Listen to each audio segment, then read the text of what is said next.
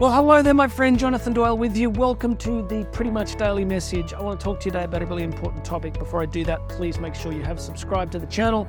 It makes a big difference. And go and check out my new website, jonathandoyle.co. Links to Instagram, everything else is here. Today, we're going to talk about truth. Concentrate. I've been saying to my kids over the last couple of weeks that if you look at the layers of complexity of what is presented to you as the truth through legacy media, particularly, look at the conflicts going on in the world at the moment conflicts in the Middle East, conflicts in Europe, uh, all sorts of political issues going on everywhere. Blink and you'll miss it, friends. The layers of complexity are extraordinary.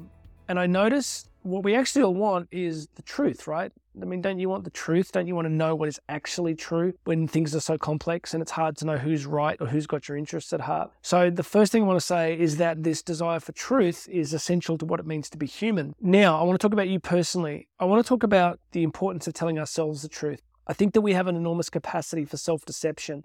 I think the part of the human journey is that we can so very easily deceive ourselves. You know, I did some seminars a few years ago where I juxtaposed a really interesting set of slides. One was from Oprah Winfrey, who was speaking at a college graduation ceremony.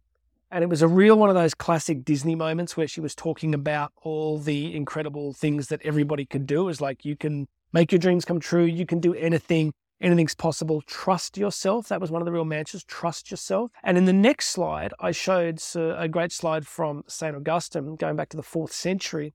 And St. Augustine had this great quote where he says, I greatly fear my innermost parts. I greatly fear my innermost parts. Now, Augustine is one of the greatest minds in Western history, right? I don't think Oprah, we will look back and say that she was an intellectual giant. I'm not trying to be critical, I'm just stating a fact. Now, I go with Augustine. I mean, here is a guy that, you know, had lived incredibly you know, full on life and written some of the greatest personal psychoanalysis in human history, saying that he feared some of what was going on inside him. This is my way of saying that what we want to do is get really good at telling ourselves the truth because I need you to understand that we have the capacity to lie to ourselves pretty consistently. I know that I do. And one of the things you have to do is start to get good at telling yourself the truth and paying attention to what's actually happening, not what you wish was happening.